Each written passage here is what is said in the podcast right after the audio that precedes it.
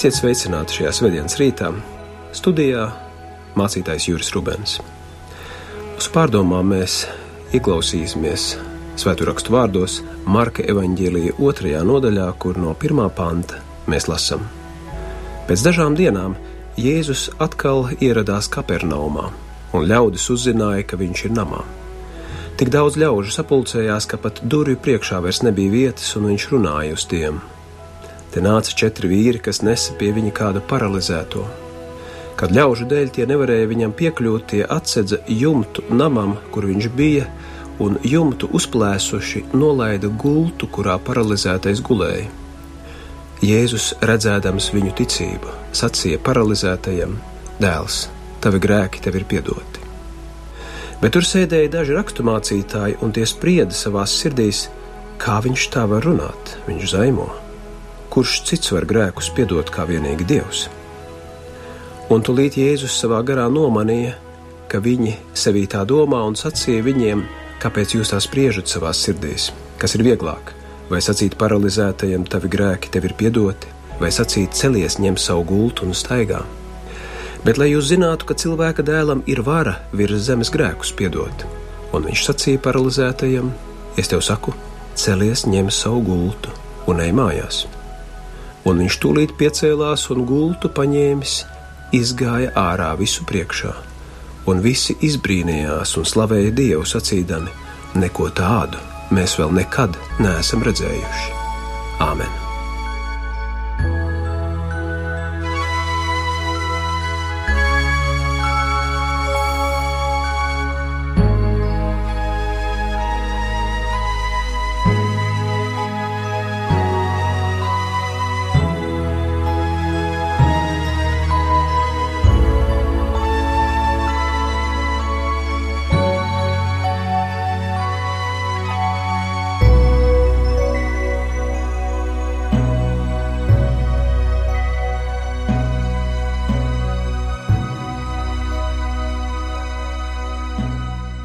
Viens no lielajiem mūsdienu teologiem, Marks Borgs, zīmīgi uzsver, ka Jēzus evaņģēlijos galvenokārt atklājas kā dziedinātājs.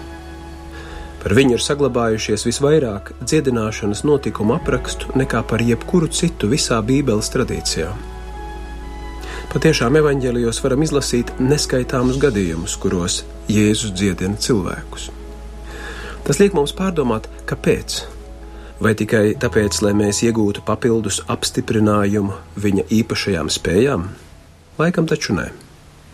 Manuprāt, dziedināšana ir pats uzskatāmākais veids, kā mums pasakīt, kas īsti sastopoties ar Jēzu cilvēkā notiek.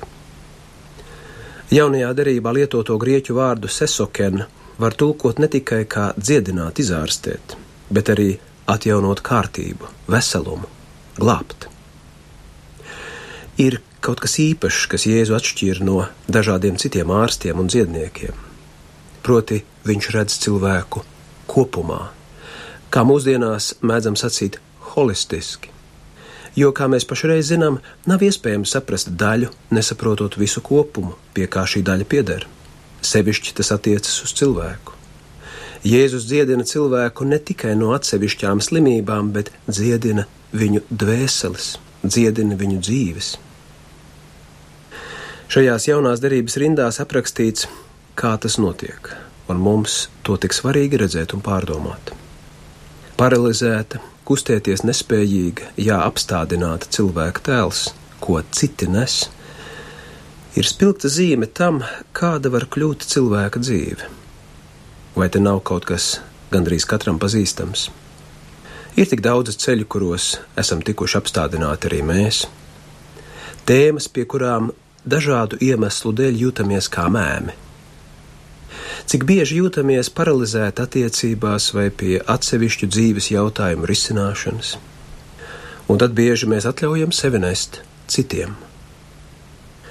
Biežākās jaunajā derībā uzskaitītās slimības, no kurām Jēzus izārstē - paralīze, tu nevari pakustēties, spitālība, slimība tevi izolē no visiem pārējiem, aklums, tu neredzi pasauli tādu, kāda tā ir. Ir dziļi simboli tam, kas mūsos slēpjas aiz slimībām. Jēzus atver acis savādākai pasaules redzēšanai, bet pāri visam, lai mēs savādāk, jā, pilnīgi no jauna, ieraudzītu Dievu kā mīlošu un piedodošu tēvu. Jēzus šajā notikumā parāda ciešu saiti starp cilvēka dvēseles saturu. Tavi grēki tev piedoti, un ķermeni celies, ņem savu gultu un ej mājās. Šo kopsakaru redzēt ir ļoti būtiski, jo parasti mēs pievēršam uzmanību tikai ārīgi redzamajam, un pamatojoties uz to izdarām savus spriedumus. Jēzus vārdi slimajam tātad, kamēr nekas ārīgi redzams vēl nenotiek, tavi grēki tev ir piedoti. Parāda, ka redzamo norišu cēlonis vienmēr ir meklējams dvēseles norisēs.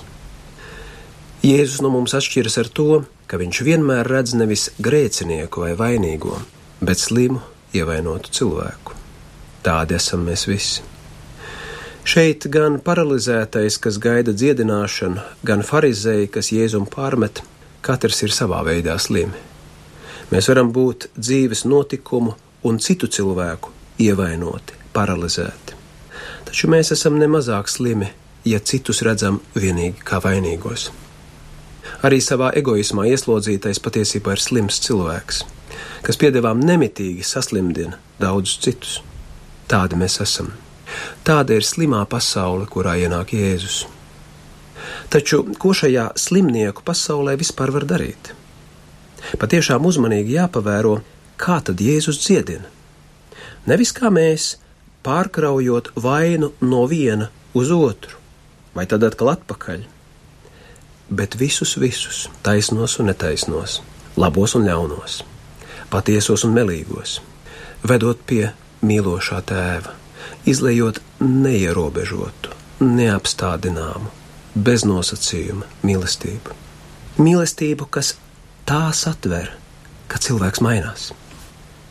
Pasaulē netrūkst nosodījumu un apsūdzību. Vienīgais patiesais deficīts, kā mēs zinām, ir pēc piedošanas.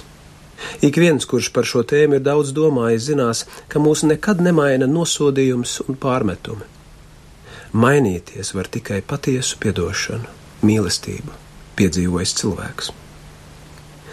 Tāpēc Jēzus palīdz cilvēkiem piedzīvot, ka Dievs viņu grēkus ir piedevis bez nosacījumiem. Jā, tā skan viņa vēsts. Tavi grēki jau ir piedoti. Dievs ir savādāks nekā mēs domājam. Dievs nav viens no baiļu avotiem, varbūt pat kā dažiem šķiet lielākais baiļu avots. Dievs ir neierobežota, bez nosacījumu mīlestība. Un tas, ka mīlestība dziedina, nav tikai novalkāta frāze, tā ir būtiskākā atziņa pasaulē. Mēs sevi nesam smagas nastas, smagākā no kuras šķiet nav iespējams atraisīties ir vainas sajūta. Ko darīt ar manām pagātnes kļūdām, kuras var tā nospiest, ka reizēm pat negribas dzīvot? Kas mani no tām var atbrīvot? Tikai kāds, kas darbojas dieva uzdevumā, vai ne? Šis darbs ir pa spēkam tikai dievam. Svarīgi pamanīt šo secību - grēku piedošana un tikai tad ķermeņa dziedināšana. Jā, grēku piedošana skaidrā vēsts, ka Dievs ir piedevis, un tāpēc es esmu brīvs. Nav kāds tukšs reliģisks paziņojums, bet spēkpilna kustība, kas ļauj dvēselē beidzot uzelpot, un dziedinoši izpaužas pat manā fiziskajā dzīvē. Patiešām dažkārt ir svarīgi apstāties un pārdomāt, ko nozīmē mums tik labi pazīstamais, gandrīz vai pierastais grēku piedošanas pasludinājums, kuru pēc grēksūdzes uzklausām katrā dievkalpojumā kas caur šiem vārdiem mūsos notiek vai grib notikt. Grēku piedošana dod jaunu iespēju mūsu pašu kļūdu paralizētajai dzīvei. Tā ir pašas dziļākās slimības, manas vainas dziedināšana. Mēs mūsu ikdienas dzīvē nemaz tā nesteidzamies cits citam piedot. Tas ir ļoti populāri cilvēkiem nepiedošanu izmantot kā instrumentu attiecībās. Cik bieži mēs spiežam cits uz citu, sakot, es tev piedošu tikai tad, ja tu izpildīsi manus nosacījumus, vai es tev nepiedošu nekad. Var saprast, vai ne farizēju sacīto, nu kā tik viegli var piedot? Kā var piedot bez nosacījumiem? Nu kā viņš tik vienkārši piedod, neuzstādot virkni nosacījumu cilvēkam? Mēs esam tik ļoti cieši paralizēti dažkārt arī no šīs nevēlēšanās piedot savā ikdienā, kur mēs nepiedošanu, vainu izmantojam kā instrumentu savstarpējās attiecībās. Kā var saprast, ka atbrīvošanas pieredze no vainas var būt kaut kas tik satricinošs, kā paralizētais pēkšņi var sākt staigāt. Dziļākās problēmas cilvēkā nevar atrisināt ar sasprindzinātiem pūliņiem vai nesaudzīgiem kritiskiem situācijas vērtējumiem. Te ir tikai viens ceļš, viena izēja, uz ko rāda arī šis evaņģēlīja notikums - ir jāsatiek Dievs. Dievu piedošana. Tikai Viņš, mans radītājs, var piedot un dziedināt. Tikai tā cilvēks var atbrīvoties no egoisma krampjiem brīvai dzīvei. Svarīgi redzēt, ka tikai grēku piedošana ir ceļš, kā cilvēki tiek pie Jēzus, izdziedināti no dažāda veida slimībām. Vienalga, vai tās skar redzēšanu, dzirdēšanu, runāšanu vai kustēšanos. Un esmu pārliecināts, ka man piekritīs daudzi, daudzi ārsti, ja es sacīšu, ka jebkuru slimnieku būtu iespējams daudz vieglāk un ātrāk izārstēt, un dažus varbūt pat vispār nevajadzētu ārstēt, ja vispirms būtu izārstēta viņu dvēsele. Mēs lasām, un redzēdams viņu ticību, Jēzus sacīja paralizētajam: Dēls, tavi grēki tev ir piedoti. Cik svarīgi to redzēt! Ka ticība ir izēja no visām krīzēm, paralīzēm, neatrisināmām situācijām. Esmu jau to droši vien kādreiz pieminējis, proti, ka ievērojamais mūsdienu vācu teologs Ežens Drevermans raksta, ka cilvēka parasto ikdienu nosaka četra veida bailes. Zīmīgi, ka arī evaņģēlīja tekstā slimones četri - bailes no cilvēkiem, ko par mani domā citi, kāds es izskatos citu acīs, bailes no dieva, jo Dievu vairs nepazīstam un droši nezinām, kas un kāds viņš ir un ko par mums domā viņš.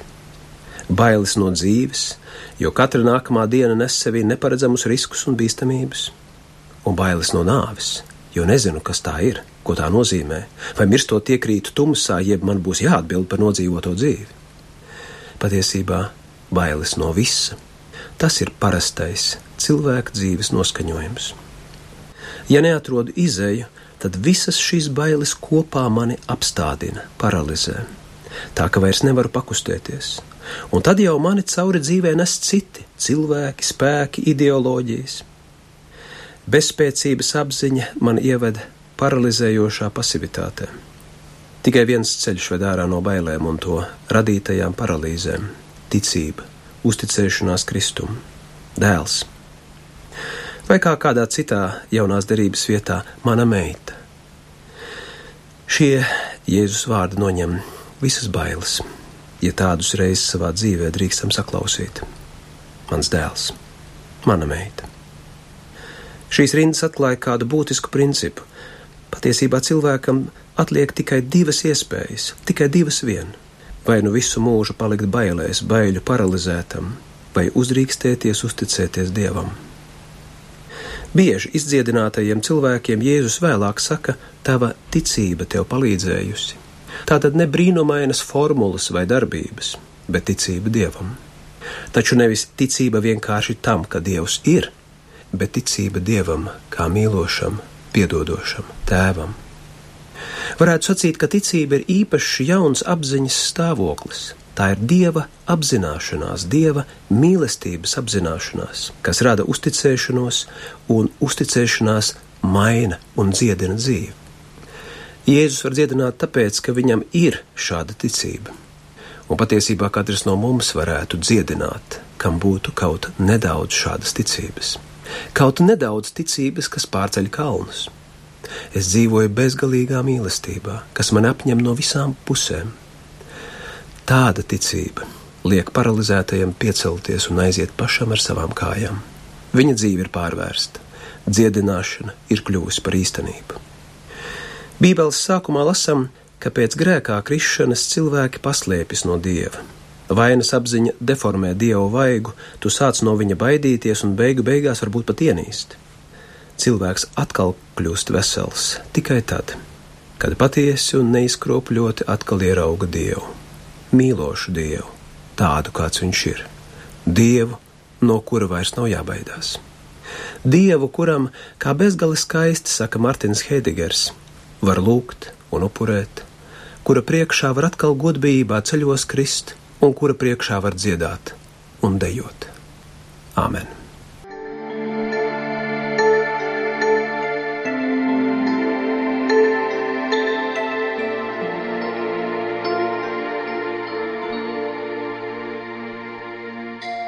Mēs tev pateicamies, debes Tēvs, ka tu šajā dažādu slimību, iekšēju un ārēju slimību, paralizētajā pasaulē esi sūtījis Jēzu ka tu nāc šajā pasaulē nevis kā biedinošs mūsu vainu uzrādītājs un pārmetējs, bet kā beznosacījuma mīlestības dāvinātājs, ka tava mīlestība ir tā, kas īsti dziedina un pārvērš mūsu dzīves.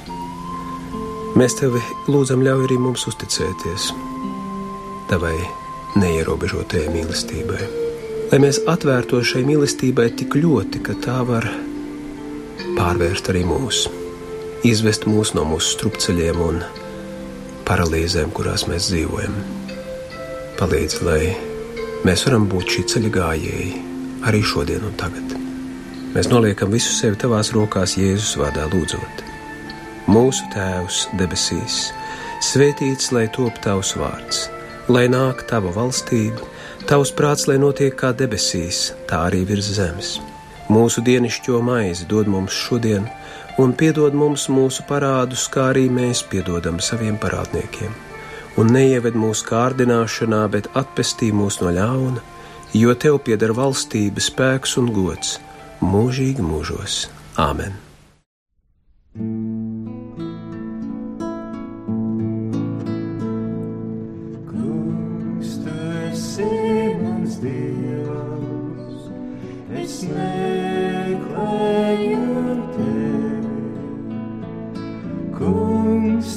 Esi mans Dievs, es meklēju tevi.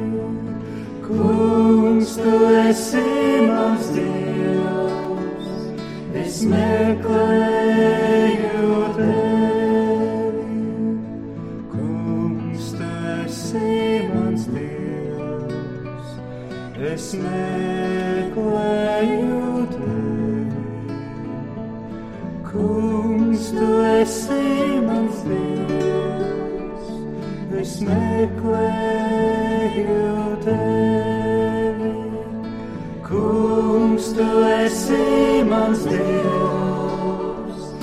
es meklēju tevi.